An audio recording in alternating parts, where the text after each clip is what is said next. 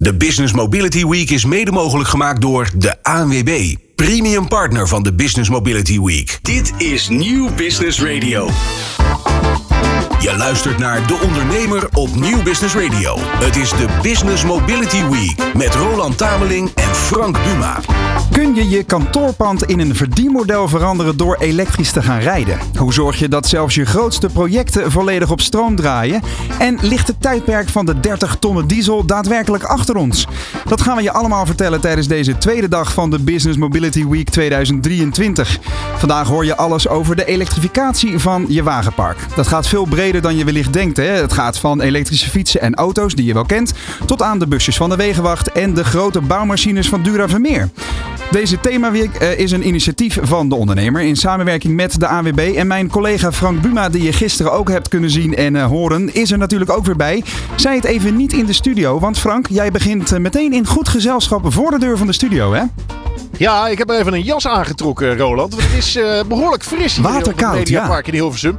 Maar naast mij staat onze co-host voor deze uitzending, Jasper IJsselstein. Dan moet ik het goed zeggen, Jasper.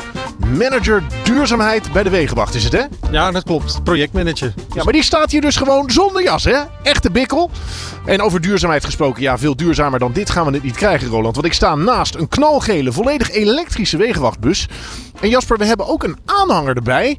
Wat is dat precies? Nou, dat is heel bijzonder. We hebben natuurlijk scherpe keuzes moeten maken. Wat past er allemaal in de bus? Nou, niet alles kan natuurlijk meer in een EV. Dus we hebben mobiele oplaadpunten uh, gebouwd. Laat eens even zien. In eigen beheer. En uh, op het moment dat iemand met een EV met een lege accu staat, hebben we deze op strategische plaatsen in Nederland staan. Halen we op en we kunnen een elektrisch voertuig opladen. Ja, en als ik zo naar het apparaat kijk, dan vermoed ik dat je dan net even die paar kilometer die je mist, die kun je dan maken naar de dichtstbijzijnde snellader. Exact. En hoeft de auto niet weggesleept te worden en mensen kunnen heel snel weer hun weg uh, vervolgen. Nou hoorde ik je net al zeggen, hè? Uh, niet alles past meer in die bus. Is dat zeg maar uh, ja, het offer dat je brengt aan een elektrische aandrijflijn? Ja, dat klopt helemaal. We zijn eigenlijk in 2011 al begonnen met de eerste elektrische wegenwacht. Met het eerste elektrische wegenwachtvoertuig op Schiphol. Een ongebouwde caddy. Dat is echt een enorme uitdaging. We hadden het vermoeden dat het eigenlijk sneller zou gaan. Dat is niet het geval uh, gebleken. Tuurlijk kan deze auto wel veel meer meenemen. Maar wat ik al zei, scherpe keuze gemaakt. Zo hebben we bijvoorbeeld een aangepast uh, gereedschappakket uh, erin gezet. Kun je wat laten zien? Zeker. We lopen even om de bus heen. De achterklep gaat nu open. En uiteraard, uh, ja, mensen zijn voor ons het allerbelangrijkste. De mensen die ermee uh, moeten werken. Dus uh, ook het pakket is helemaal samengesteld. Op aangeven van een hele klankbordgroep met wegenwachten. Dus dit is zeg maar onontbeerlijk voor een wegenwacht om zijn werk uit te kunnen voeren. Exact, exact. En wat ligt er dan allemaal in? Ja, ik zie allemaal stukken gereedschap, hamers, schroevendraaiers. Maar ook wel een beetje wat ik thuis op zolder heb liggen, Jasper. Ja, dat klopt. Uh, dat is natuurlijk ook het meest gebruikte gereedschap. Het specifieke gereedschap. Dat uh, wordt er uh, nog aan toegevoegd. Zijn er nog specifieke aanpassingen die jullie hebben moeten doen vanwege het ja, toch wel geringe totaalgewicht van zo'n elektrische bus? Uh, ja, zeker. Uh, de, de charger die daar staat, hè, de EV-charger. Maar bijvoorbeeld ook een verkeerd getankt installatie die we nog wel hebben in onze uh, andere bussen. Of een afsleepas, zoals we dat noemen. Om auto's direct te kunnen transporteren. Ja, dat past echt niet meer in een elektrische auto. Dus daar hebben we aanpassingen op gedaan. Maar deze plank, dat is nog wel gewoon hout. Dat is wel gewoon duurzaam hout en weer uh, volledig uh, recyclebaar of uh, renewbaar, zoals we dat noemen. mooie duurzame uitstraling, maar ook gewoon uh, ja, de werkplek voor een wegenwacht. Ja, misschien wel de komende tien jaar. Want uh, dat is nu wel de verwachting dat wij tien jaar lang met deze bussen uh, gaan doen. Dus als we het over duurzaamheid hebben, hebben we het ook helemaal doorgetrokken in ons denken en doen. Dankjewel Jasper. Tot dusver.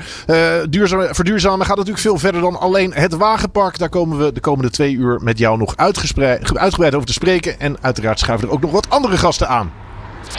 Je luistert naar De Ondernemer op Nieuw Business Radio. Het is de Business Mobility Week met Roland Tameling en Frank Buma. Ja, hartstikke goed. Eh, mannen, terwijl jullie uh, langzaam maar zeker, Jasper en Frank, lopen weer naar binnen toe. De studio in vanaf de, de ID-bus die op de stoep staat. Want inderdaad, het, het is duidelijk, je gaat vandaag veel leren van Jasper en zijn werk voor de ANWB. Verder hoor en zie je alles dus over de wijze elektrificatielessen van onder andere Dura Vermeer. Komt Hyundai Nederland aan het woord over de Ioniq 6 onder andere. En hun strategie gaan we het hebben over de ontwikkelingen rondom elektrische vrachtwagens, zakelijke fietsen. En gaan we je uitleggen hoe je het nou eigenlijk aanpakt. Heel praktisch en pragmatisch dat verduurzamen van je wagenpark. En um, nou ja, Frank is, uh, is nu nog eventjes uh, onderweg naar binnen toe. Um, want Jasper, wat ik mij heb laten vertellen, um, is dat jij uh, vanuit je eigen intrinsieke motivatie uh, ontzettend. Ja, Frank moet nog eventjes naar binnen komen. Ik zit, ik zit druk te gebaren. Je moet nog even naar binnen, vriend. We hebben nog iets te doen. Want Jasper, jij, jij bent dus inderdaad vanuit jouw eigen motivatie. Vertelde een collega van jou, die, die, die praatte daar eventjes over. Ben jij begonnen met het bekijken hoe de AWB zichzelf zou kunnen verduurzamen? Hè? Vooral het wagenpark dan. kun jij ons even meenemen naar jouw persoonlijke motivatie dan? Waarom begon dat zo te kriebelen? Uh, nou, kijk, ik zag uh, ergens 2011, 2012 dat uh, duurzaamheid werd gewoon een, een belangrijk item, ook voor mezelf. Ja. En uh, ik zag allerlei kansen binnen de ANWB, vooral binnen de Wegenwacht uiteraard. Dat is de afdeling uh, waar ik werk. Ja. Om daar uh, verandering in, in aan te brengen. Maar dat is al een serieuze tijd geleden. Dan spreken we dus over meer dan tien jaar geleden. Ja, en de ANWB die was daar zelf ook al mee bezig hoor. Want ik vertelde net al aan Frank. Ja. In 2011 hadden we onze eerste elektrische voertuig. En Op Schiphol vertelde je? Ja, ja. En in 2012 begon de ANWB met het uitrollen van een snel laadnetwerk. Nou, dat klinkt heel interessant. Maar dat waren niet meer dan uh, zes laadpunten door het hele land. Ja. Van, ja, voor de mensen die elektrisch rijden 50 kilowatt. Toen hadden we nog, dus, meer, nog meer praatpalen dan laadpalen tegenwoordig. Zeker. En tegenwoordig is dat omgedraaid. Hè? Frank, jij bent er inmiddels weer, weer aangeschoven. Want wat wij gisteren als nieuwe traditie eventjes hebben gelanceerd... is natuurlijk dat wij rond het thema van de dag... een aantal um, themamuziekjes hebben geselecteerd. Zoals wij dat in onze privé-tijd ook plegen te doen. Dat vinden we leuk. wat, wat hebben we vandaag allemaal op een rijtje gezet rondom elektrificatie? Ja, we hebben weer een, aardige, een aardig lijstje gevonden. Ik zou zeggen, uh, start er maar in. Kon niet missen, hè?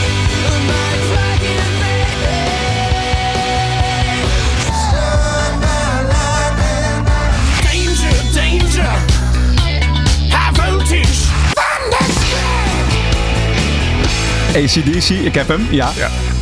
Snel laden of niet snel laden. Heerlijk dit, hè? Ja, ja, zie je, de sfeer zit er daarmee meteen in. Ik had nog wel uh, Electric van Go Back to the Zoo of zo, had ik nog wel verwacht. Maar, ja, ja, Oasis, She is Electric, had oh. er ook nog bij gekund. Ja. Ja, er zijn eigenlijk uh, legio liedjes te verzinnen over uh, elektriciteit. Zo is dat. Hè? Heb jij, Jasper, jij bent veel onderweg, denk ik ook. Hè? Heb jij iets, een type muziek waar je zelf naar luistert onderweg of niet? Nou, ik luister wel veel BNN. Oké. Ja, ja, dus dat is wat minder muziek. Ja. Maar, het is heel breed. Ja, heel goed. Nou, je, zit, je zit dus ook veel in de inhoud. Daar gaan we het vandaag ook over hebben. Frank, ik ga jou vriendelijk verzoeken even de, uh, de, de studio te verlaten. Want wij gaan voor het volgende item door naar twee gasten. Uh, dus we hebben alle microfoons in de studio uitgebreid nodig. Uh, uh, dankjewel voor zover. Ik spreek je straks weer. Is goed, tot straks. Je luistert naar De Ondernemer op Nieuw Business Radio. Het is de Business Mobility Week. Met Roland Tameling en Frank Buma. Ja, en die Business Mobility Week staat vandaag dus volledig in het teken uh, van elektrificatie en de switch die je daarnaar moet maken of kunt maken als bedrijf. En ja, het enerzijds aanschaffen van een bestelbus op batterij is een relatief eenvoudige manier om dat te doen, hè? overstappen op elektrisch werken. Maar hoe pak je dat nou aan wanneer je verantwoordelijk bent voor grote projecten in de bouw en de infrastructuur? Nou, daar weten mijn uh, twee volgende gasten alles over. Welkom uh, Marleen Verstegen en Wilfred Slijvers. Um, Marleen, ik begin even bij jou. Fijn dat je er bent, want jij werkt voor Dura meer infra, hè, voor de duidelijkheid. Wat doe je daar? Ik ben uh, manager duurzaamheid van Landelijke Breedte. Ja? En uh, betrokken bij de, nou ja, de aanbestedingen waarbij we uh, ja, kijken hoe we onze bouwprojecten verder kunnen verduurzamen. Ja, en dat, dat begint waarschijnlijk net als bij Jasper, die net, net vertelde vanuit de ANWB. Jij doet dat voor de ANWB en de Wegenwacht. Jij doet het bij Dura Vermeer. Bij persoonlijke motivatie hè, voor een gedeelte. Um, hoe is dat balletje gaan rollen? Want jij zag op een gegeven moment, wacht even jongens, wij kunnen bij Dura Vermeer nog veel stappen extra zetten. Hoe, hoe gaat dat? Um, dat is niet alleen een uh, persoonlijke motivatie, maar dat komt ook met name vanuit opdrachtgevers. Uh, we hebben heel veel natuurlijk voor uh, publieke opdrachtgevers. Ja. nou ja, het, het, er is natuurlijk een Parijsakkoord getekend. Het Parijsakkoord wordt vervolgens natuurlijk doorgelegd naar publieke opdrachtgevers die een aanbesteding in de markt moeten zetten met een duurzaamheidscomponent eraan. Ja. ja, wij zijn aannemer die inschrijven op dat soort aanbestedingen. dus dat betekent dat je automatisch ook echt moet gaan kijken hoe je je, nou ja, ja, je project duurzaam gaat maken. Dus Ja. hoe je die, die inschrijving, die aanbesteding, zeg maar, zo duurzaam mogelijk eh, gaat organiseren. En was het dan al zover dat je eh, eh, vanuit het bedrijf echt aanbesteding aan het mislopen was? Of hoe erg was het al, laat ik het zo zeggen? Nee, dat, dat niet. Ehm, ik denk dat het, dat is ook een beetje geleidelijk gegaan. Hè? Als we bijvoorbeeld noemen Rijkswaterstaat, is natuurlijk zo'n opdrachtgever die, die eigenlijk daar een beetje mee begon. Ja, dus je leert aldoende eigenlijk ook wel de, de, de, de stappen die je in kan zetten. En Ja. dat aan de opdrachtgeverskant, maar ook aan de ondernemerskant. Eh, en ik denk dat, nou ja, als je kijkt naar de afgelopen jaren, eh, want het is natuurlijk al, ik denk dat we al bijna tien jaar bezig zijn met dit soort eh, activiteiten. ja. Ja, dat, dat wordt steeds beter. Je wordt steeds eh, nauwkeuriger, zeg maar, ook in je berekeningen en in je inzichten. Je ziet natuurlijk heel veel nou ja, technieken en voortgang. Ja, die probeer je mee te pakken om die ook te kunnen, nou, te kunnen gebruiken in je, in je opdrachten en in je project. in je Dat is projecten. in zekere zin dus de stuwende kracht van data, zou je kunnen zeggen. Je weet meer, dus je kunt meer. Absoluut. Ja. absoluut. Ja, maar ook heel erg veel ervaring natuurlijk in die zin. Hè. Je bouwt je ervaring op Ja. ehm, en die je dan vervolgens ook kan gebruiken. Dus dit, het is een combinatie. Het grijpt in elkaar, zo Ja. gezegd. Ja. En eh, eh, eh, wat ik zo interessant vind aan jullie benadering is dat jullie heel duidelijk voor partners kiezen. En dat is de reden dat, dat Wilfred hier ook aan tafel zit. Want jij bent de directeur van Green Road Equipment onder andere. Hè? Eh, de naam, eh, je mag nog een stukje dichter bij de microfoon eigenlijk. Ja. ja, want dan kunnen we je goed verstaan, want je hebt een boeiend verhaal. Green Road Equipment zegt eigenlijk de naam, zegt alles al. Hè? Want eh, kun je in een notendop vertellen wat dat bedrijf doet en hoe jullie dan de missie van Dura Vermeer weten te versterken en vice versa? Ja, het idee eh, is een aantal jaar, drie jaar geleden ontstaan om eh, Green Road Equipment op te, op te starten. Ehm, ik moet zeggen dat we daarnaast een, eh, een verhuurpark hebben voor asfalteermachines, Ja? walsen. Die verhuren we onder andere aan wegenbouwers zoals Dura Vermeer. Wij hebben natuurlijk gezien dat de stikstofproblematiek, de CO2-uitstoot en dergelijke, ja, dat zijn toch wel issues waar je als ondernemer op een gegeven moment toch wel en als verhuurder van dit materieel toch eens een keer bij stil moet staan. Dus drie jaar geleden hebben we gezegd, wij gaan die eh, fabrikanten en die dealers gaan we nou eens benaderen en eens vragen hoe ver ze staan met verduurzamen van hun machines. En wat was het antwoord? En nee, eh, Ah, nee? Nee, nou, dat gaat maar mondjesmaat. De fabrikanten die zijn vooral bezig met eh, eh, eh, het efficiënter maken van de dieseltechnologie. Ja. Eh, maar volledige nieuwe engineering opstarten om eh, elektrische machines eh, op de markt te brengen. Daar, eh, dat gaat maar heel, heel langzaam. En eigenlijk veel te langzaam voor de bouwers in Nederland. Die die, die machines gewoon nu nodig hebben. Eh Dura Vermeer kennen we al vele jaren. Ja. Eh, eh, al heel, ik denk al 20, 30 jaar klant van ons. We zijn dus bij elkaar gezeten. Als die fabrikanten het niet doen, kunnen we het dan niet samen regelen. Dus wat wij doen, is oude machines, die halen we binnen. Die halen we helemaal uit elkaar. Het is volledig circulair. Die bouwen we weer helemaal op. Engineeren die helemaal. Alleen die voorzien we dan, we halen de dieseltank eruit, de, de, eh, de dieselmotor eruit. En die voorzien we dan van een elektromotor en batterijpakketten. En dan hebben we een volledig emissievrije machine die we in kunnen zetten. Dus dat doen we voor walsen, dat doen we voor grote en kleine asfalteermachines. Ja. En eh, ja, Dura Vermeer is daarin een hele belangrijke partner voor ons. Maar je, je zegt het een beetje alsof het, het hele proces in drie weken achter de rug was. Hè? Zo van, ja, doen we even een motortje eruit, een accupakketje erin. Ehm, hoe lastig is dat? Want je, je kunt dus niet terugvallen op de, eh, op de OEM's, de grote partijen, zoals eh, de, de fabrikanten van die machines. Caterpillar kan ik me zo voorstellen. Eh, die lopen dus nog achter. Dus moet je zelf het wiel gaan uitvinden. Ehm, welke hobbels moet je dan nemen, Wilfried? Ja, dat klopt. Het begint natuurlijk met die software schrijven. ja. En want je moet volledig nieuwe software hebben. eh, die gaat communiceren met al die E-componenten, elektronische componenten die je in die machine gaat stoppen. Ja? Dus inderdaad, drie jaar geleden zijn we begonnen met het schrijven van die software. Daar zijn we anderhalf jaar mee bezig geweest. Inmiddels hebben we die systeemsoftware hebben we beschreven. En ook dat doen jullie dus helemaal in-house. Ja, daar hebben we engineers voor, eh, voor eh, binnengehaald. Ja. Ook jonge mensen die dat waanzinnig mooi vinden om hiermee bezig te zijn. Maar daar zijn we inderdaad anderhalf jaar mee bezig geweest. Die systeemsoftware hebben. En dat eh, hebben we eh, nu in huis. En dat stelt ons in staat om iedere bouwmachine gewoon om te katten van diesel naar elektrisch. Ja, Jasper, eh, jij vanuit de, de ANWB en de Wegenwacht. herken je dit, de- deze pionier spirit, om het zo te zeggen? De het vooruitlopen op de muziek? Ja, dan is het altijd pionieren. Als je vooruit wil lopen, dus je ziet iets, je hebt een, een, een beeld en het Ja. is er allemaal nog niet, dan ga je het gewoon proberen. Heb jij daar voorbeelden van uit jouw ervaring? Van de- dat jij dacht, ja, nou, dan ga ik het zelf doen. Nou, ehm, ja, er zijn wel dingen. ehm, eh, wat ik eigenlijk altijd zeg, je moet gewoon klein beginnen. Als je, Ja. als je ziet van waar je naartoe wil, begin dan in ieder geval klein.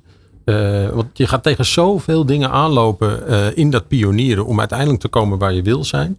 Uh, dat je het vaak ook niet ziet zitten. Dus begin dan alsjeblieft klein. Dat is ook echt een oproep aan andere ondernemers. Ja. Begin klein, ga het proberen. En heel veel dingen lukken niet. Dus dat is een wijze les. Nou ja, ik herken dat, dat je echt doorzettingsvermogen moet hebben om dit soort innovatieve dingen te ontwikkelen. Ja. Durf. Kun jij je herinneren wat een moment was in jouw proces dat je dacht, oh jongens, waar zijn we aan begonnen in vredesnaam? Nou, we hebben wel in 2016 dan de wegenwacht op de fiets geïntroduceerd. Ja? En alle apparatuur die in de fiets zat, die kwam direct uit de auto. En dat is ongelooflijk ingewikkeld. Want het is een enorm zware computer met accu's om hem te kunnen voeden. Eigenlijk was het een kansloze, uh, een kansloze missie om die fietsen op de weg te houden. Dus al heel snel hebben we toen een tablet ontwikkeld. Ja. Waar het minimale op kon om te kunnen blijven werken. En dat heeft ons eigenlijk, dat heeft eigenlijk de fiets gered. Want ze rijden nog steeds in vijf steden in Nederland. Uh, en dat idee kwam ook uit jouw koker, begreep ik. Ja, door het te doen. Ja. ja. wel een beetje afgekeken van een buitenlandse club. hè, dat we dachten van Nederland, fietsland, waarom hebben wij dat niet? Ja. Maar dat uh, heeft ontzettend veel. Eh, zelfs de inrichting van de ID-bus eh, die ja. we net gezien hebben. Het afgepaste gereedschappakket. Dat is begonnen in de fiets en in de motorfiets. Uh, om daarmee te gaan uh, experimenteren. Dus het is wel een andere tak van sport uh, die u ja. doet. Ja. maar vooral de innovatie en, de, en, en het, tempo erin houden en het gewoon blijven proberen. Ja, dat, zit er wel, uh, dat is er echt voor nodig om deze transitie door te komen. Ja, jij, uh, jij zegt dus klein beginnen. Uh, Marleen Verstegen, manager duurzaamheid bij Dura Vermeer. In hoeverre kun je in jullie branche klein beginnen? Want het zijn allemaal grote projecten natuurlijk. Ja, grote projecten, grote machines, zware machines. Ja. dus mooi zegt dat je klein moet beginnen. Je hebt bij ons natuurlijk het begin met handgereedschap. Want ook op de bouwplaatsen hebben we natuurlijk handgereedschap. maar goed, dat was vrij snel natuurlijk al geëlektrificeerd. Ja. Uh, maar ja, dan wordt dat al vrij snel. Nu moet de grote, de grote machine moet ook. En wat, wat noem je dan een grote machine in jullie wereld? Uh, nou, zo'n spreidset is wel echt een, uh, echt een flinke jongen. Dus ja, wij staan nooit bij jullie op locatie. Dus wat is een spreidset? voor de mensen die, die ja. weet ik veel, bloemen telen? Ja, het is de machine die daadwerkelijk het asfalt echt nou ja, spreidt ja. op de weg legt. Oké, okay, top. Ja. Er zit een heel groot, er moet veel warmte komt er kijken en gewoon heel veel kracht. Ja. dus dat daar, ja, die die vraagt veel vermogen. En die grote vermogens, uh, dat is dus niet alleen die spreidzet, maar ook op andere machines. Uh, het frezen bijvoorbeeld is ook zo'n activiteit. Dat je het asfalt eigenlijk van de weg afhaalt. Nou, daar komt ook heel veel, uh, heel veel bij kijken.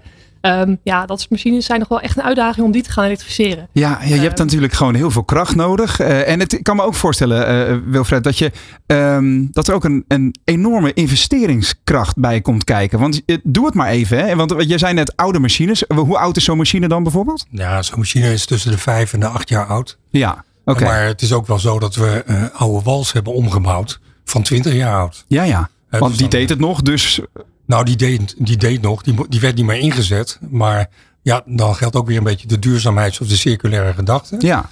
Van kunnen wij van die oude machines, kunnen we die toch weer uh, helemaal opnieuw opbouwen zodat die nog eens een keer 10, 20 jaar mee kan. Ja, want stel je moet een nieuwe wals kopen. Hoe groot is de investering dan? Ja, nou, je moet ongeveer denken. Um, dat die toch wel, zeg maar, laat, laat ik het zo zeggen, elektrificatie met de batterijen erbij. Ja? Dan zit je toch met een investering die ongeveer drie keer zo hoog is. Ja, toch wel. Als van een conventionele. Ja. Kunnen we daar even cijfers op plakken? Want dat vind ik altijd, altijd lekker om het inzichtelijk ja, te krijgen. Waar vind, moet ik dan aan denken? Nou, ik vind het lastig om te zeggen, want wij bouwen kleine walsjes om. Ja? En, uh, die zijn zeg maar nieuw uh, 50.000 euro in de markt. Ja. Uh, uh, ja, als je die wil elektrificeren met een batterijpakket erbij, dan zit je twee keer zo hoog. Dan zit je aan een ton. Ja. Maar als je het hebt over zo'n hele grote asfaltmachine die je helemaal opnieuw moet ontwikkelen, waar je de software voor moet schrijven. Uh, ja, dan, dan praat je over een investering die drie keer zo hoog is. Mm -hmm. Nou, dan heb je kleine asfaltmachientjes, die misschien maar 120.000 euro zijn. Ja. Ja, uh, ga je die helemaal ombouwen, dan zit je ook aan het dubbelen. Uh, maar hoe groter je komt, hoe complexer die machine, hoe meer tijd aan engineering erin gaat zitten. Ja. ja hoe hoger die investering. Hoe gaan we dat, uh, uh, ja, hoe financier je dat? Dankjewel. We zijn natuurlijk blij met, met, met, met, met wat, de, wat de overheid doet. Oké. Okay. Dus er zijn enorme subsidies die daarvoor beschikbaar worden gesteld. Ook voor wegenbouwers om daarin te investeren. Mm -hmm. Dat is echt enorm. maar daarnaast heb je ook partijen als Dura Vermeer nodig die, uh, ja, die vanaf een meter of van begin af aan daar er gewoon bij gezeten hebben. Omdat ze de noodzaak zagen, Mhm. mm -hmm. maar ook het vertrouwen hadden in ons bedrijf. Uh, en ook de wil hadden om dat samen met elkaar los te trekken. Ja, en dat is wel gelukt en dat is wel heel gaaf. Ja, prijswinnende aanpak zag ik ook. Hè? Vorig jaar een mooie prijs binnen, binnengesleept. Kun je daar Ja. even kort iets over vertellen? Ja, we hebben eh, de Circle Award in het Rijk van Nijmegen eh, hebben we gewonnen. Ja. En dat is voor de eh, meest innovatieve circulaire bedrijven in de regio Rijk van Nijmegen. Ja, daar zijn we natuurlijk hartstikke blij mee. Maar voor ons is de echte prijs eigenlijk dat gemeentes en provincies die bedrijven die investeren in die duurzaamheid Ja. ook echt belonen met werk. En daar valt nog heel veel eh, aan te doen. Oké, dat is een duidelijke oproep richting eh, de regelgevers en de opdrachtgevers van Nederland. Eh, ik ben nog even benieuwd, in hoeverre is het nu een verdienmodel waar het bedrijf ook zelf op kan, kan drijven? Ja, het, die investering heb je aan de ene, zij, aan de ene zijde natuurlijk. Opdrachtgevers staan wel in de rij. Maar is het een beetje, kan het uit al? Ja, dan weet je, het kan zeker uit. En ik, ja, het is toch een, een kwestie van anders denken. Mhm. We hebben geen keus. We moeten die richting inslaan. Eh, doe je het niet, sta je straks stil, kom Ja. je niet verder.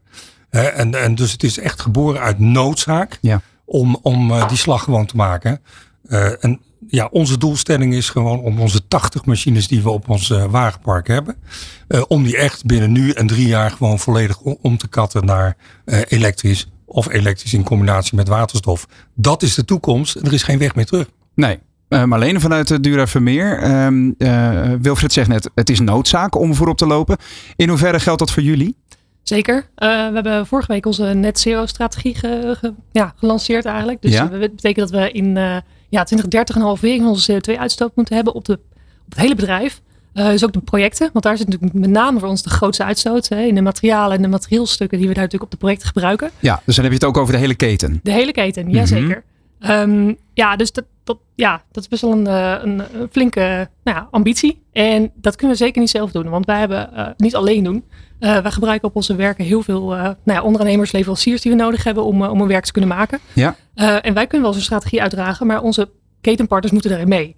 Eh, dus ja, dat, dan is het ook meteen eh, van goh, hoe leggen we dat dan vervolgens naar onze, naar onze ondernemers, leveranciers toe? Ja, Eh, ja, we, we leggen eigenlijk de, de, de, de, de ambitie door. Ehm, maar wel met elkaar in gesprek. Want wij kunnen het wel doorleggen, maar we hebben wel nodig. Dus hoe gaan wij nu die ketenpartners eh, meenemen in die, eh, in die strategie?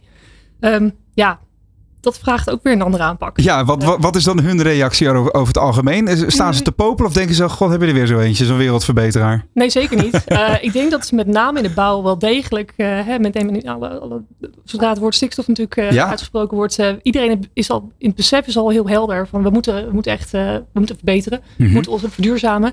Ehm, ja, en elektrificering is gewoon een hele grote belangrijke element daarin. Eh, dus de bouw hoef je niet meer te vertellen dat ze stap moeten gaan zetten. Nee. Eh, daar is wel zeker dat dat eh, is al lang geland. Alleen hoe? Ehm, ja, en daar, nou, daar is elektrificering dus een, eh, belangrijk element. Precies. En die vraag de hoe, dat is, dat is zo lekker. We, we hebben er nu al zoveel antwoorden op, eh, op gekregen. Hè? Dit, de- de- we zijn pas een half uurtje onderweg en, eh, en nu weet je al, klein beginnen. Maar dan inderdaad gewoon goed met je, met je partners aan, aan tafel en de juiste partners aanhaken. Ehm, kun je me nog even meenemen, Marleen vanuit Dura Vermeer, manager duurzaamheid, hoe, ehm, hoe die gesprekken van, van de grond komen? Want ja, een belletje is één ding, maar hoe zorg je dat je, het ook, dat je met elkaar gaat rennen? Ja, nou ja, als we kijken naar een bouwproject, kijken we sowieso eerst naar wat, wat is onze inzet, wat is onze, eh, de berekening van het hele project. Dus waar zit nu de grootste, grootste uitstoot? Ja? Eh, want je kan heel veel moeite steken in een hele kleine, klein element. Maar het belangrijkste is dat je de grote elementen beetpakt. Bijvoorbeeld de machines die heel veel draaiuren maken. Ja, die veroorzaken gewoon de grootste uitstoot. Dus die zwaartepuntanalyse bekijken, hè, hoe je dat, hoe je dat, dat zwaartepunt eruit pakt. Ja. Eh, dat is de eerste stap, want dan weten we waar we op moeten gaan sturen. Welke partners we daadwerkelijk moeten hebben. En welke partners eigenlijk eh, nou ja, voor de grote uitstoot zorgen. Of welk element het grootste, het grootste element is. Ja? Ehm, en dan vervolgens met die eh, leveranciers in gesprek. Ook kijken van wat zijn hun toekomstige, hoe- hun toekomstplannen. Hoe zien zij, wanneer willen ze gaan investeren? Of hoe ziet hun investeringskalender eruit? Kunnen wij daarbij elkaar helpen? Ehm en moeten wij als, als, als grote aannemer niet op een andere contractvorm eh, eh, aan?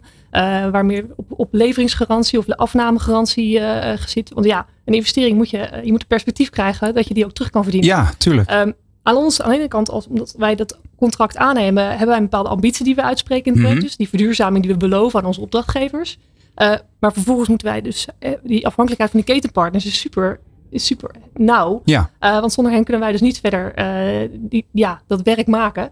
Ehm, Dus die, die samenwerking erin uh, is heel belangrijk. Dus het gesprek aangaan. En ja, kijken hoe we, hoe we uh, elkaar kunnen helpen, kunnen versterken. Ja, want uh, pionier is leuk, maar het kan eigenlijk alleen maar effectief als je het met, met elkaar doet. Ja. ja. Ik zou de laatste minuutjes van, deze, van dit item nog eventjes in de, de, laten we zeggen, de stijlste leercurves willen duiken. Wat, wa wat waren nou echt de momenten, dan kijk ik eerst even naar Wilfred vanuit Green Road Equipment.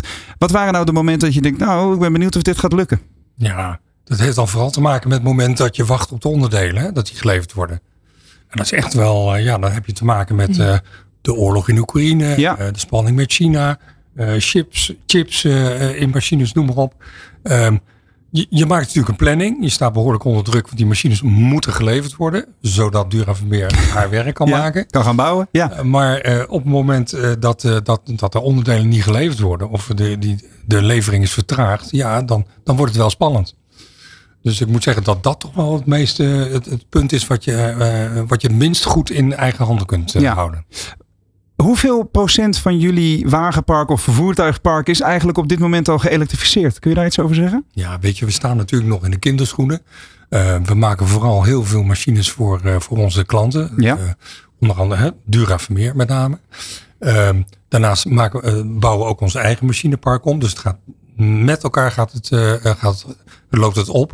Maar nu op dit moment 10, 15 procent is omgebouwd. Oké. Maar we moeten wel naar 100 procent. En dat willen we binnen nu en drie jaar willen we dat, ja, dat zei je, ja. gerealiseerd hebben. Ja. We hadden het gisteren ook uitgebreid over de, de deadlines die al echt in het buurt komen. Hè? Bijvoorbeeld uh, uh, de overstap naar een elektrische bus om nog je, je klanten te kunnen bedienen in een binnenstad. Dus ook al over anderhalf jaar. In januari uh, 2026 in principe. Mm -hmm. 25, sorry. Um, dan is het, er is inderdaad noodzaak om te handelen. maar alleen nog even naar jou vanuit Dura Vermeer. Um, de, de belangrijkste hobbel die jullie hebben over, overwonnen? Uh, laadinfrastructuur. Oké. Okay. Uh, want ja, goed, batterij elektrisch hartstikke mooi, maar het moet ook nog ergens opgeladen worden. Mm -hmm. en, en, dat is lastig als dat, er nog geen infrastructuur ligt op locatie. Zeker. En met ja. bouw heb je natuurlijk dat je of de infrastructuur aan het aanleggen bent, uh, of bijvoorbeeld, we doen projecten, hè, dijkversterkingprojecten. Ja, op een dijk heb je weinig bouwstroom. Ja. dus hoe neem je dan, hoe ga je dat logistiek inrichten? Dus hoe zorg je ervoor dat die volgeladen batterijpakketten daadwerkelijk bij je machines terechtkomen? En hoe doe je dat dan? Ja, een logistiek plan maken. Ja. Uh, of zelf de laadinfrastructuur aan gaan leggen. Uh, dat is ook wel weer een mooi, een mooi linkje naar de auto die wellicht de kijker nu al op de stoep voor de studio ziet staan. Daar zie je een bont uh, bestikkerde Hyundai Ioniq 6. Daar gaan we straks over praten. Maar dat doet me ook denken aan een eerdere pilot die jullie hebben gedraaid. Met bidirectioneel laden op de bouwplaats. Hè. Dan, dan gebruik je het accupakket in de auto als een soort stroombuffer voor de apparaten op locatie. Zit daar nog een beetje toekomst in? voor de kleine nou, bouwplaatsen wel. Uh, als we het hebben over de, wat materieel dat we net besproken hebben, ja, dat, dat gaat natuurlijk er niet in werken. Uh, maar dat, ja, dat zou dus absoluut wel een optie zijn. Je moet het in ieder geval de energie mee zien te nemen. Ja. Uh, plekken waar het niet, waar niet verkrijgbaar is. Dus ook daarbij geldt veel um, alternatieven in ieder geval serieus nemen. Absoluut. Ja, duidelijk. Ja, en-en. Jasper, jij nog een, een vraag vanuit dit onderwerp, vanuit jouw expertise uh, uh, in je rol bij de ANWB? Nou, niet zozeer een vraag, maar wat ik wel heel mooi vind is, zeg maar, die ambities die worden neergelegd, die helpen ook echt om de mensen mee te krijgen in dit soort organisaties. Ja. Want als die er niet in geloven en zij moeten ermee werken, dus die moeten enthousiast worden. En dat, dat doe je om, uh, ja, door, samen te werken aan, uh, aan zo'n ambitie. Ja, ik vind het heel fijn dat jullie hier naartoe zijn gekomen. Want dit vond ik echt een uitstekend voorbeeld, als ik even voor eigen parochie mag spreken, van een item waar de luisteraar en de kijker echt iets aan heeft gehad. Want uh, heel veel praktijkvoorbeelden en mensen die, ja even plat gezegd, met de poten in de klei staan om het zelf daadwerkelijk uit te zoeken. Dank jullie hartelijk. Marleen Verstegen, manager duurzaamheid bij Dura Vermeer Infra en Wilfred Slijvers, directeur Green Road Equipment. Dankjewel. Je luistert naar De Ondernemer op Nieuw Business Radio. Het is de Business Mobility Week met Roland Tameling en Frank Buma. Ik uh, kondigde hem net al eventjes aan. Er staat een bont bestikkerde auto voor de deur van de studio. Een Hyundai Ioniq 6. Want momenteel rijden er in Nederland zo'n 350.000 elektrische auto's rond. Waarvan het overgrote deel natuurlijk zakelijk wordt gereden. En op dit moment heeft minder dan een kwart van het totaal verkochte aantal nieuwe auto's geen brandstofmotor meer. Maar als het aan Hyundai ligt gaat dat aandeel rap stijgen de komende jaren. Het merk uit uh, Korea tovert daar een hele lading elektrische modellen voor uit de hoge hoed. En de meest opvallende daarvan staat nu voor de studio in Hilversum. Met daarnaast vriend en collega Frank Buma. Dankjewel Roland. Ja, hier, hier in het gooi zijn ze natuurlijk wel wat geweldige auto's gewend hè, waarvoor je je nek omdraait. Maar dit, dit is een buitencategorie. Want Anne Lobbes, PR-manager van Hyundai Motor Nederland. Welke Hyundai heb jij meegebracht? Ik heb de Hyundai Ioniq 6 meegenomen. En niet zomaar een versie, maar een one-off. Wij uh, werken uh, samen met het uh, Van Gogh Museum, een van de meest duurzame musea van Nederland. Die rijden natuurlijk elektrisch. En omdat ze 50 jaar bestaan dit jaar, hebben we gedacht, nou laten we de lente iets eerder beginnen.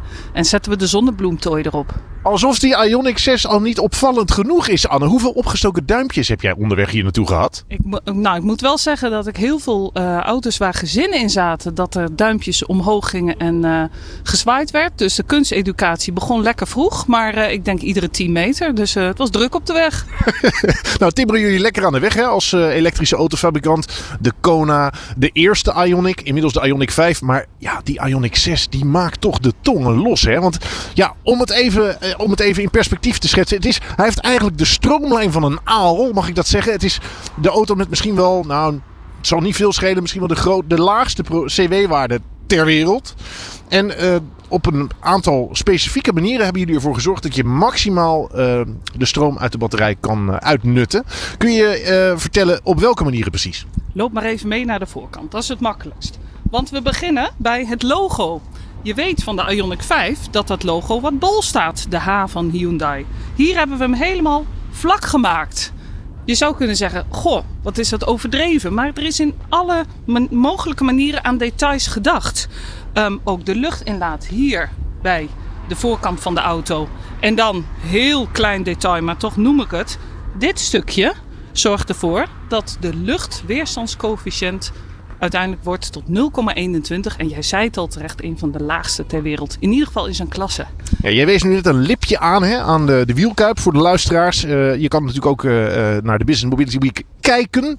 Maar uh, mocht je nu lekker zitten te luisteren, het gaat om een lipje in de wielkuip die er dus voor zorgt dat die, dat die wind heel mooi om die auto heen stroomt. Daarover gesproken voor de echte actieradius fetischisten hebben jullie nog een optie op de lijst staan. En die betreft de buitenspiegels, toch? Ja. Deze auto kan optioneel op het hoogste uitrustingsniveau worden uh, ja, uitgerust met de digitale buitenspiegels. Dan heb je eigenlijk nou ja, een fractie van de buitenspiegels zoals die hier uh, getoond worden. En waarmee je vanuit uh, binnencamera's kunt zien hoe het met de weg eromheen gesteld is.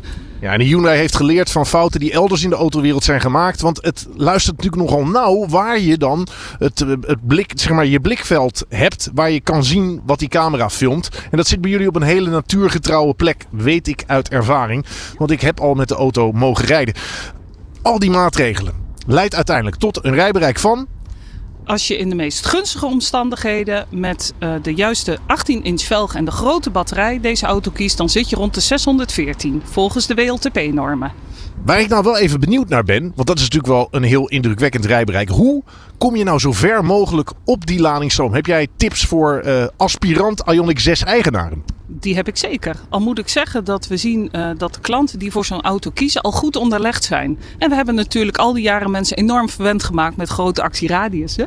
Maar uh, er zijn een aantal trucs waarmee je het bereik nog groter kunt maken. Ik zei het al net, de keus van de velgen.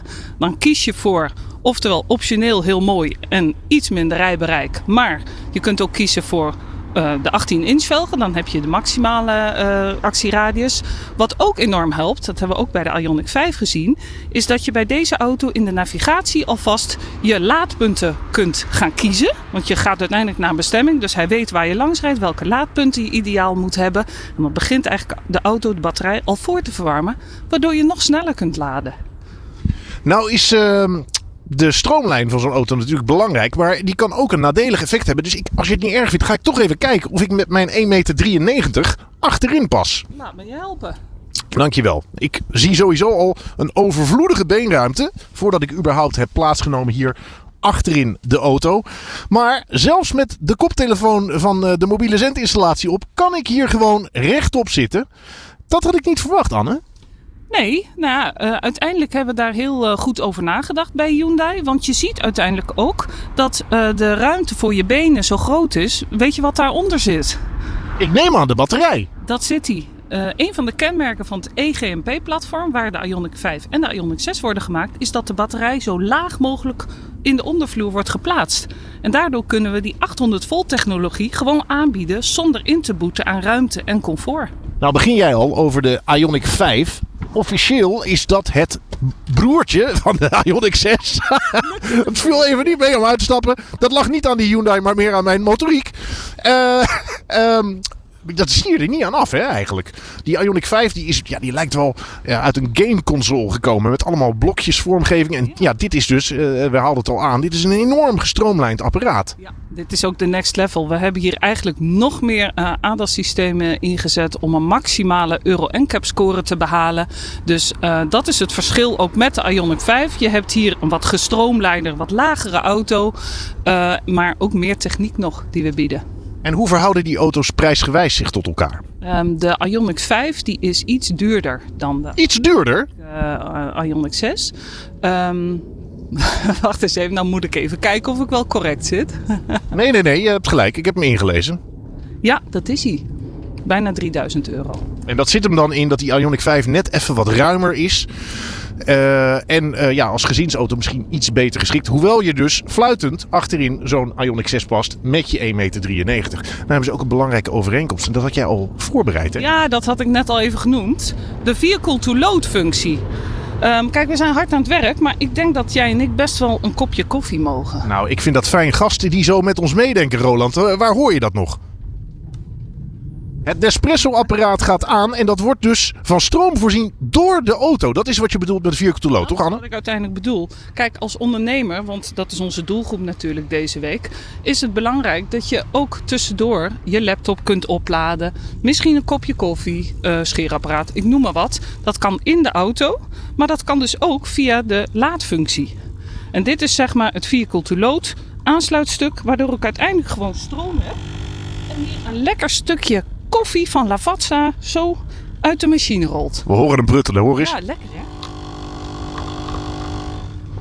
Nou, kun je bijna zeggen, Anne, dat Ioniq een soort submerk is geworden van de Hyundai. Jullie hebben al een 5 en een 6. Kun je een tipje van de sluier oplichten? Komt er nog meer? Ja, we gaan uh, op naar de 7. Dan moeten we wel tot volgend jaar wachten. Um, dat is een auto die ook weer stappen gaat laten zien op het gebied van techniek. Wat al goed is aan deze Ionics, dat nemen we natuurlijk mee. Maar daar zullen we echt ook qua ruimte nog een, uh, slag gaan slaan.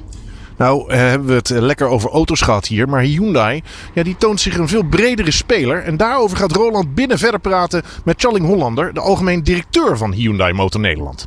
Zo is dat, Frank. Dankjewel uh, ook aan, uh, aan Anne Lobbes, de PR-dame van Hyundai Nederland. Uh, en neem vooral de koffie ook even mee naar binnen, want uh, mijn gasten hebben daar vast ook wel zin in.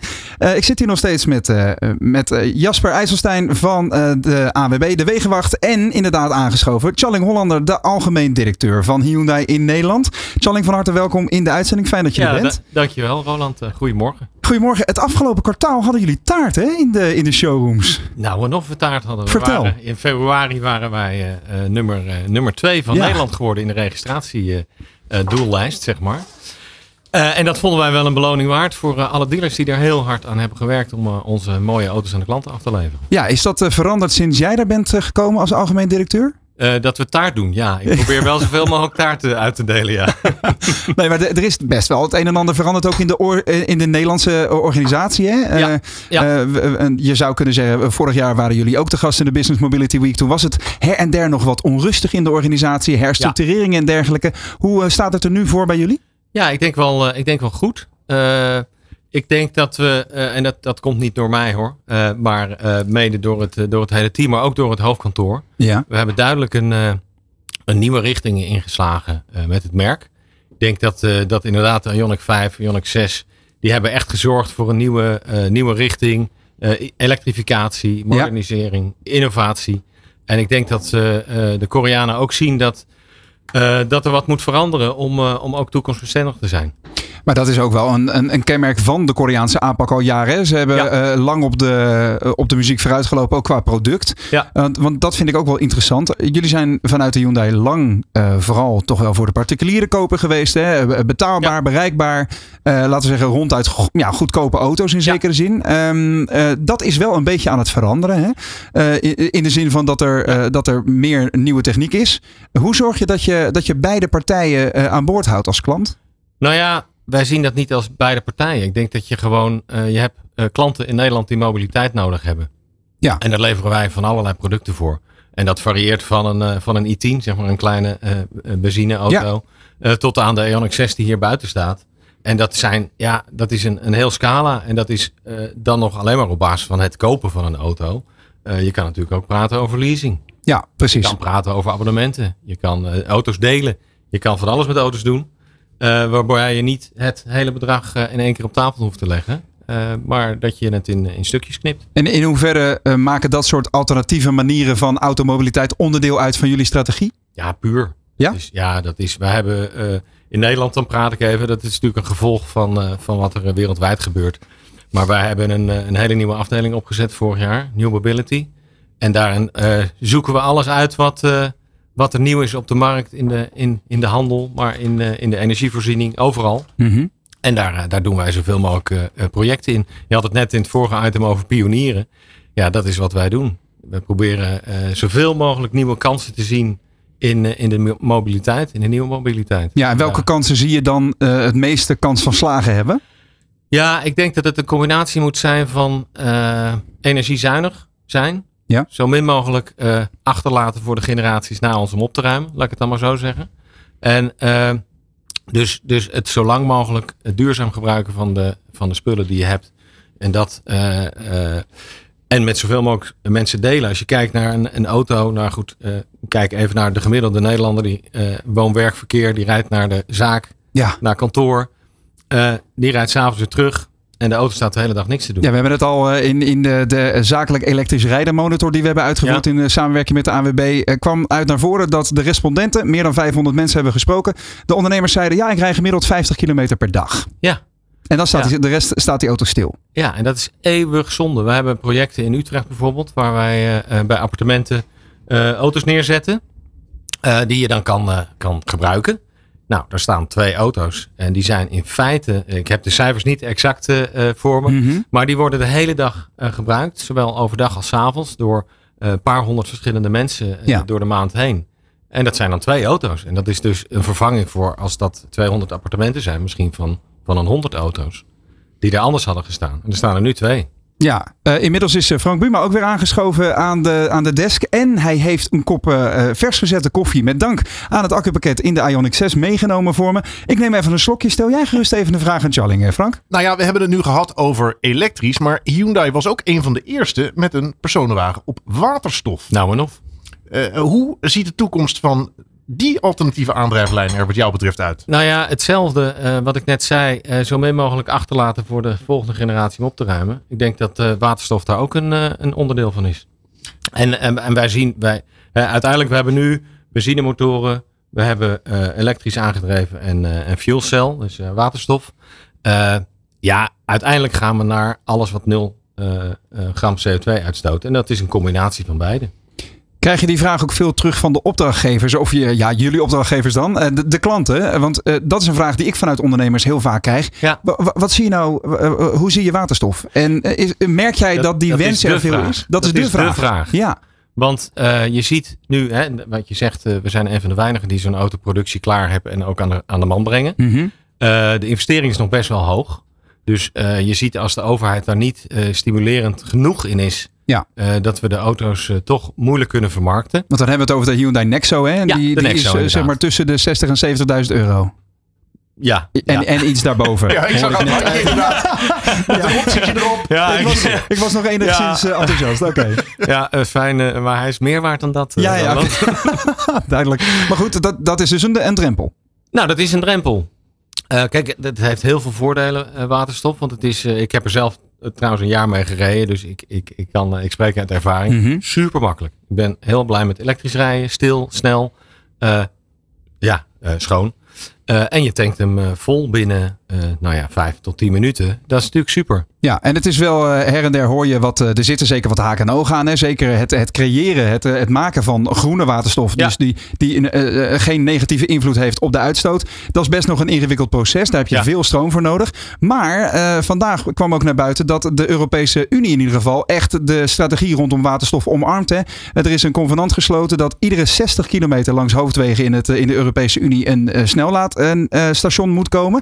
En om elke 200 kilometer een waterstoftankstation. Ja. Dat is een ontzettend grote uitrol dus van dat laadnetwerk. Dus eh, op productniveau kun je daar wel eh, een, Nou, dat- een toekomst eh, Ja. rondom uitstippelen. Kan dat is ook echt nodig. Want eh, ja, er is gewoon te weinig infrastructuur nog op, eh, op waterstof. Ja, En daar, eh, daar loop je dan tegenaan, ook met de klanten. Ja, als wij klanten hebben die eh, net tussen een aantal eh, laad- of, eh, vulstations in zitten. Ja, dan, eh, dan mis je daar natuurlijk eh, de flexibiliteit om Ja. gewoon eh, te rijden en er nergens aan te denken. Want dat is uiteindelijk wat de klant ook wil. Die wil niet na hoeven denken over wanneer kan ik weer opladen. Wanneer kan ik weer mijn auto vullen om weer de volgende kilometers te gaan. Ja. Die wil gewoon van A naar B. Jasper, sorry, ik, kijk even naar Jasper, want jij zit hier natuurlijk vanuit eh, de, de ANWB en de Wegenwacht. Je houdt je bezig met duurzaamheid. Zeker. Ehm, eh, wat mis jij nog bij een merk zoals Hyundai bijvoorbeeld? Nou, we hebben eh, zelf drie Hyundai's eh, als wegenwachtvoertuig rondrijden. Een eh, iX35, alvast die heeft wel schade, dus die is even uit de, uit de running. Dat is ook met een, met een fuel cell of niet? Ja, fuel cell en twee fuel cell Nexo's. En Ja. de eerste hebben wij getest in 2014. Dat Ja. was de iX35. Ja, het was er één of twee pompstations waar wij terecht konden. En dat Mhm. was echt wel eh, eh, nou ja, tekort. Toch zijn we het gaan doen in 2016. Eh, ja, naar heel veel eh eh, mits en maren natuurlijk. Omdat die auto niet geschikt is als eh, dienstvoertuig. Nee. Eigenlijk wat we, daar hebben we zoveel van geleerd dat we nu eh, volledig elektrisch kunnen rijden, zeg maar. Omdat we daar ook al de pakketten hebben, eh, de gereedschappakketten hebben doen laten slinken.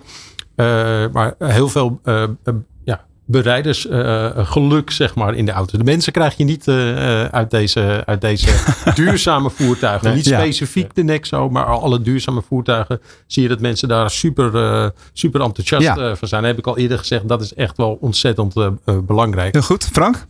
Ja, Charling, ik was even benieuwd, behalve de wegenwacht, wat voor klanten trek je met zo'n waterstofauto? En zijn dat hele andere klanten die dan die voor een EV naar de showroom komen?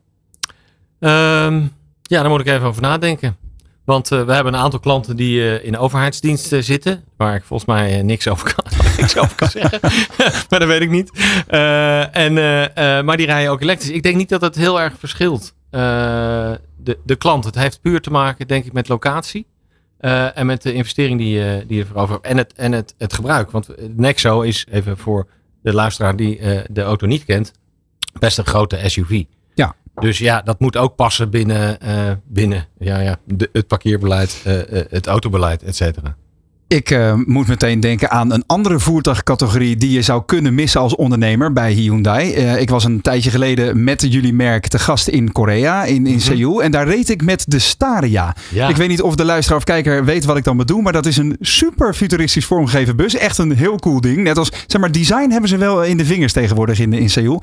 Eh, maar die auto is voor- vooral met dieselmotoren leverbaar. Hè? En ik weet dat jullie er ook eentje hebben in de, in de, in, in de vloot. Als, Ja. om te laten zien wat je kunt. Nou, je schrik je wezenloos hoeveel BPM daarop zit in Nederland. Dus die auto is vrijwel kansloos in de markt. Eh, eh, helaas zou ik bijna zeggen. Ehm, maar kunnen we daar op dat vlak al een, een tipje van de sluier oplichten voor de toekomst? Wat gaat Ja, daar ik- gebeuren? Ik, ik, heb geen grenzen, dus ik. eh, ik, heel goed. Heel goed. maar ja, de, de, de huidige Staria is niet voor niks dat het niks wordt in Nederland. Want die gaan wij gewoon niet invoeren. Nee. Want dat is gewoon een, inderdaad wat je zegt, een dieselauto. En naast dat de BPM heel hoog is, eh, eh, dat is niet voor niks. Dat is omdat hij heel vies is. Eh, en wij gaan eh, de Staria wel eh, halen naar Nederland als die elektrisch of waterstof wordt. Kijk, en dat is een En, kwestie van tijd hoor ik Dat je is een kwestie van, van redelijk korte tijd. Mooi. Nou was ik net natuurlijk nog even buiten, eh, Roland. Ja. Dus misschien heb ik het gemist, maar hebben we het al over de Hyundai oplaadrobot gehad? Oh nee. Nee, eh, als je het Nee. hebt over innovatie en, eh, en. Maar eh, redden we dat in een minuutje? Want we moeten door. Ja, dat is waar, eh, Charling. Ga jij mij eens vertellen wat dat is? Nou ja, ik vond het eigenlijk een soort luxe product. Want wat ik begrepen heb, is dat dat apparaat voor jou gaat laden. Maar ja, de enige handeling die je bij een snellaadstation hebt, is de slang erin hangen. Moet dat dan per se geautomatiseerd, vraag ik me dan af. Ja, Volgens Hyundai wel. volgens ons wel. Laten we ook vooral zeggen, kijk, het leuke is natuurlijk dat op het moment dat je zo'n nieuws uit hem brengt, jij ziet het en je denkt erover na. Dat klopt. Ja, Laten we die voor een volgende keer houden. Want nu staat er een soort koffierobot voor de deur. Misschien volgende keer gaan we dat hier gewoon live doen. De laadrobot van Hyundai. Ja. Dankjewel, Charling Hollander, eh, algemeen directeur van Heel Hyundai Nederland. Voor deze uitgebreide uiteenzetting. Je luistert naar De Ondernemer op Nieuw Business Radio. Het is de Business Mobility Week met Roland Tameling en Frank Buma. Ja, bij de personenwagens gaat de elektrificatie hard, maar ook in andere voertuigsegmenten vallen modellen op batterijen inmiddels niet meer weg te denken. Neem de vrachtwagens. Steeds meer compacte modellen rijden rond zonder dieselmotor. Verschillende fabrikanten breiden hun aanbod sterk uit en notabene Tesla heeft de eerste exemplaren van zijn Semi al op de weg. Er valt dus steeds meer te kiezen en daar gaan we over praten met Jan Schouten, Director Vehicle Sales bij Volvo Trucks Nederland. Meneer Schouten, goedemiddag. Ja, dankjewel. Hoe groot is dat aandeel elektrische Volvo vrachtwagens bij u inmiddels? Uh, inmiddels, inmiddels zitten we op zo'n uh, 10% van de, de levering in Nederland. En dat, dat breidt zich heel snel uit nu. En hebben we het dan over stadsvervoer primair of is er ook al op de lange baan volledig elektrisch te rijden bij jullie? Nou, we zijn in 2019 begonnen met elektrische trucks. Met de focus inderdaad, hè, stadsdistributie. De verwachting was, daar gaat het het snelst. Zero emission zones zouden komen. Inmiddels hebben we het programma uitgebreid naar de zware trucks. En eigenlijk zien we het volume vooral bij de zware trucks. Kijk eens aan. Ja. Dus uh, u voldoet aan een vraag. Ja, ja, ja, de behoefte is er zeker. Ja. Ik hoor ook wel verrassing in zijn stem, Ja. als ik heel eerlijk ben. Ja. Uh, nou ja, als je het natuurlijk theoretisch bekijkt, denk je, ja, waar ga je elektrisch rijden? Dat zijn de korte afstanden in de stad. Ja. Ehm, nou, tegelijk zie je dat de marktomstandigheden dusdanig zijn dat de behoefte op dit moment vooral bij de, de grote zware trucks ligt. Dat is toch opmerkelijk, want eh, wij hebben uit ons onderzoek ook naar voren gekregen dat eh, veel eh, ondernemers zeggen: ik wil op zich wel elektrisch rijden, maar die actieradius, de inzetbaarheid, het trekgewicht, het laadvermogen enzovoort, al die Ja. praktische zaken, die voldoen nog niet helemaal voor hun gevoel in ieder geval. Wat, wat zou jouw antwoord daarop zijn, Jan? Nou, dat klopt. Ehm, actieradius blijft natuurlijk een uitdaging bij elektrische trucks. Ehm, tegelijk zie je dat daardoor de druk op laadinfra heel hoog is. Hè, dus willen we echt doorgroeien, zal er nog meer geïnvesteerd moeten worden in laadinfrastructuur. Ja, want om dat even praktisch te maken, waar zit een gemiddelde Volvo-truck nu eh, op qua actieradius? Nou, echt een zware truck, 40 ton, wat je op de snelweg ziet rondrijden, Ja. zo rond de 300 kilometer. Ja. Nu. En dat is realistisch? Realistisch. Ja, zeker. We proberen toch cijfers te roepen waar onze klanten ook eh, vanuit kunnen gaan. Ja. En hoe past dat in het gebruiksprofiel van die gebruiker? Ah, eh, in principe als je de vraag stelt hoe, hoeveel actieradius heb je nodig, is het eigenlijk nooit genoeg. Hè? Maar ga je realistisch kijken, zelfs in heel Europa ligt de gemiddelde ritafstand onder de 300 kilometer. Dus bijna de helft van de ritten zijn minder dan 300 kilometer. Ja, maar een, een menig vrachtwagenchauffeur zal zeggen: ja, ik heb één rit, maar over anderhalf uur moet ik weer een rit doen Exact. van 300 Ja, kilometer. ja, ja. En dan moet hij in de tussentijd wel geladen zijn. En daar zit de crux waarschijnlijk, of Ja, niet? nou, ook als je naar de dagritten kijkt, kijk de echte lange afstanden, die gaan wel 800 kilometer op een dag. Hè, dat redden we nog niet. Maar kijk je wat er in Nederland gebeurt, we zijn een redelijk klein land. Hè, zou je bijvoorbeeld met één keer tussentijds bij kunnen laden. Als je terugkomt op je distributiecentrum bijvoorbeeld, kun je makkelijk zo'n dag al vullen. Ja. Hè, maar dan nogmaals, dan moet wel die laadinfrastructuur er zijn. Ja, want een snellaadstation, zoals we dat van personenwagens kennen, bestaat dat over vrachtwagens. Zeker. Ja. Eigenlijk is de techniek eh, hetzelfde. Ja. En die zet je dan neer op je eh, distributiecentrum. Ja. Ja. Dus het is niet zo dat je eh, de A2 afgaat en hupsakee, je zet hem daar even terwijl je een kop koffie haalt en je rijdt weer door. Dat moet wel op het honk gebeuren, om het zo maar even te Ja, zeggen. dat is wel waar het begint. Hè. De meeste trucks komen toch vaak terug op het depot of op, op een distributiecentrum. Wil je straks natuurlijk meer gaan elektrificeren, dan zul je ook onderweg bij moeten gaan laden. En eh, ja, dat kan dus bij een laadpaal voor een, eh, voor een personenauto. Het enige nadeel is dat er eh, 20 meter truck dan in de weg staat. dus in sommige gevallen wordt er eh, misschien wel vier, vijf laadpalen geblokkeerd door zo'n truck. Ja, Jasper, jij vanuit jouw expertise eh, eh, binnen de ANWB en de Wegenwacht. ehm, eh, elektrische trucks, is dat al iets waar jullie mee bezig zijn? We zijn eh, bezig met een eh, zoektocht eh, naar zero emissie, zullen we maar zeggen. Want Ja. het kan ook nog eh, waterstof eh, worden. Oké. Eh, met de laadinfrastructuur in Nederland kijken we ook waar zouden we die dan op het honk, zoals je zegt, zelf kunnen opladen. En dan vallen er al heel veel locaties af waar we gewoon last hebben van eh, netcongestie. Dus Ja. dat is echt wel een uitdaging. En ook eh, als we kijken bijvoorbeeld naar een stad als Amsterdam. Als we eromheen kijken, hoeveel truck eh, laadstations zijn er dan die algemeen toegankelijk zijn? Nou, volgens mij zijn het er nog nul. Iets meer dan nul, maar bijna nul. Ja, laat ik het zo zeggen. Dus absoluut is dat een uitdaging. Net congestie, wat je zegt, veel klanten lopen tegen de grens aan van hun energiebeschikbaarheid op locatie. Dus je ziet dat we naast eh, de trucs waar we veel eh, investeren, alle mogelijke varianten die we hebben, moeten we ook heel veel aandacht geven aan hey, hoe kan die klant van ons opladen en welke oplossingen zijn er daar. En hoe doen jullie dat dan? Samenwerken met partijen die daar goed in zijn. Hè? Want natuurlijk, de beperkingen kennen we. Maar Mhm. er zijn ook steeds meer oplossingen wat er wel kan. Hè? Met, met batterijcontainers of, of slimme laadpleinen. Samenwerking hè? Met, met, met je buren op, eh, op een industrieterrein. Dat is vooral waar we proberen eh, oplossingen te zoeken. Ja, ik zag eh, op jullie site de, de mooie slogan: alle trucks volledig elektrisch. Nou, je vertelde net dat kunnen we waarmaken. Ja. Ehm, en zero op missie, eh, emissie op maat zag ik ook. Is dat dan een verlengstuk daarvan? Wa- Wat houdt dat in in, in jullie optiek? Ehm, nou, dat kijk, de doelstellingen die we met z'n allen nastreven zijn niet te bereiken met één oplossing. Mhm. Dus we focussen niet alleen op elektrische trucks. We zullen ook nog biobrandstoffen nodig hebben, bio-LNG bijvoorbeeld. Eh, straks ook waterstof. Hè, maar het is voor ons niet een kwestie van welke techniek wordt het. Het is denk ik vooral dat alles wat er is, zullen we moeten, moeten gebruiken in de juiste toepassing. Ja, het W-woord is al regelmatig gevallen, waterstof. Eh, we hebben net met de Hyundai ook eh, besproken dat die vraag vanuit ondernemers vrij veel komt. Ja. Kunnen we daar iets van een toekomstperspectief schetsen? Zeker, daar zijn we druk mee bezig. Alleen ik, wilde wel een realistisch beeld schetsen. Het Ja. waterstof wordt toch vaak gezien als de ideale oplossing. Zeker voor zware trucks met, met een hoog energieverbruik. Eh, de pra- praktijk is alleen wat weerbarstiger. En naast de beschikbaarheid van waterstof is de techniek gewoon complexer eh, dan een batterij-elektrische truc. Dus eigenlijk zeggen waar je met batterij-elektrische truc je werk kunt doen, doe dat. En waterstof is aanvullend voor de echt lange afstanden. Ja, zou je dan kunnen zeggen dat we op dat vlak er nog gewoon nog niet zijn? Dus dat het wijs is om even af te wachten?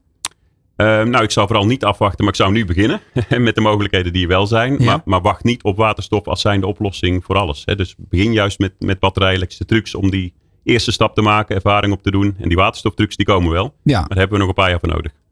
Jan, ik hoor jou zeggen, we moeten alle mogelijkheden benutten die er zijn. Zie jij wat dat betreft ook kansen voor eh, retrofit? Dus bestaande vrachtwagens ombouwen naar elektrisch? In Autoland al heel, eh, heel erg eh, de kop aan het eh, opsteken. Renault is er onder andere mee bezig. Bestaande auto's ombouwen met de brandstofmotor eruit, eh, eh, elektromotor erin. We hoorden net eh, Green Road Equipment hetzelfde zeggen over de bouwindustrie. Dus Ja. hoe zit dat in de vrachtwagens inderdaad? Ja, de druk in de bouw is heel groot. Hè. De zero-emission machines worden vaak omgebouwd. Met trucks is het er eigenlijk ook begonnen. Een paar lokale partijen die begonnen zijn. dieseltrucks, dieselmotor eruit eh, en elektrificeren. Eh, binnen de Volvo groep hebben we ook een bedrijf in Zwitserland die, die dat eigenlijk doet. Maar dat gebruiken we toch vooral voor de kleinschalige specials. Wil je gaan, gaan opschalen naar volume, dan moet je gewoon met serieproducten werken. Eh, dus daar ligt vooral onze focus om af fabriek meteen de juiste trucs te leveren. Ja, hoe zit het eigenlijk met eh, de, de groei van jullie marktaandeel op elektrische trucks? Want eh, veel concurrenten zijn er natuurlijk ook mee bezig. Ja. Ehm, eh, is het echt een onmisbare pijler inmiddels voor Volvo? Absoluut. Het is een, een heel nadrukkelijk onderdeel van onze huidige portfolio, maar zeker voor de toekomst. En op dit moment, hè, het aantal trucks is, is groeiende en zitten we op zo'n 50% marktaandeel in Nederland. Ja, want je zegt net, eh, de, de, de 40 tonner, die, die kan ook volledig elektrisch eh, eh, Ja. geleverd worden. 50 Zijn er, zelfs in Nederland. ja, zijn er al zijn er nog, nog versies van trucks die nog niet leverbaar zijn? Ja, daar, batterijen? daar zijn we zeker in Nederland heel goed in. Hè. We weten altijd, altijd iets te bedenken wat net niet kan. Hè. Ja, natuurlijk. daar staan wij ook onbekend. Ja, en Nederland is een land waar bijvoorbeeld vijfassige trucs gebruikt worden. Als een van de weinige landen in Europa. Ja. Nou, die Ja. moet nog komen, maar het grootste deel is er gewoon al wel. Tot zover. Dankjewel Jan Schouten, director, eh, Vehicle Sales bij Volvo Trucks Nederland. En ook tot zover het eerste uur van deze tweede aflevering van de Business Mobility Week. Na de break zijn we bij je terug en vertellen we je onder meer hoe je jouw, wagen, hoe je jouw wagenpark precies verduurzaamt. Bijvoorbeeld met een hele kekke elektrische fiets. Tot zo. Je luistert naar De Ondernemer op Nieuw Business Radio. Het is de Business Mobility Week met Roland Tameling en Frank Buma.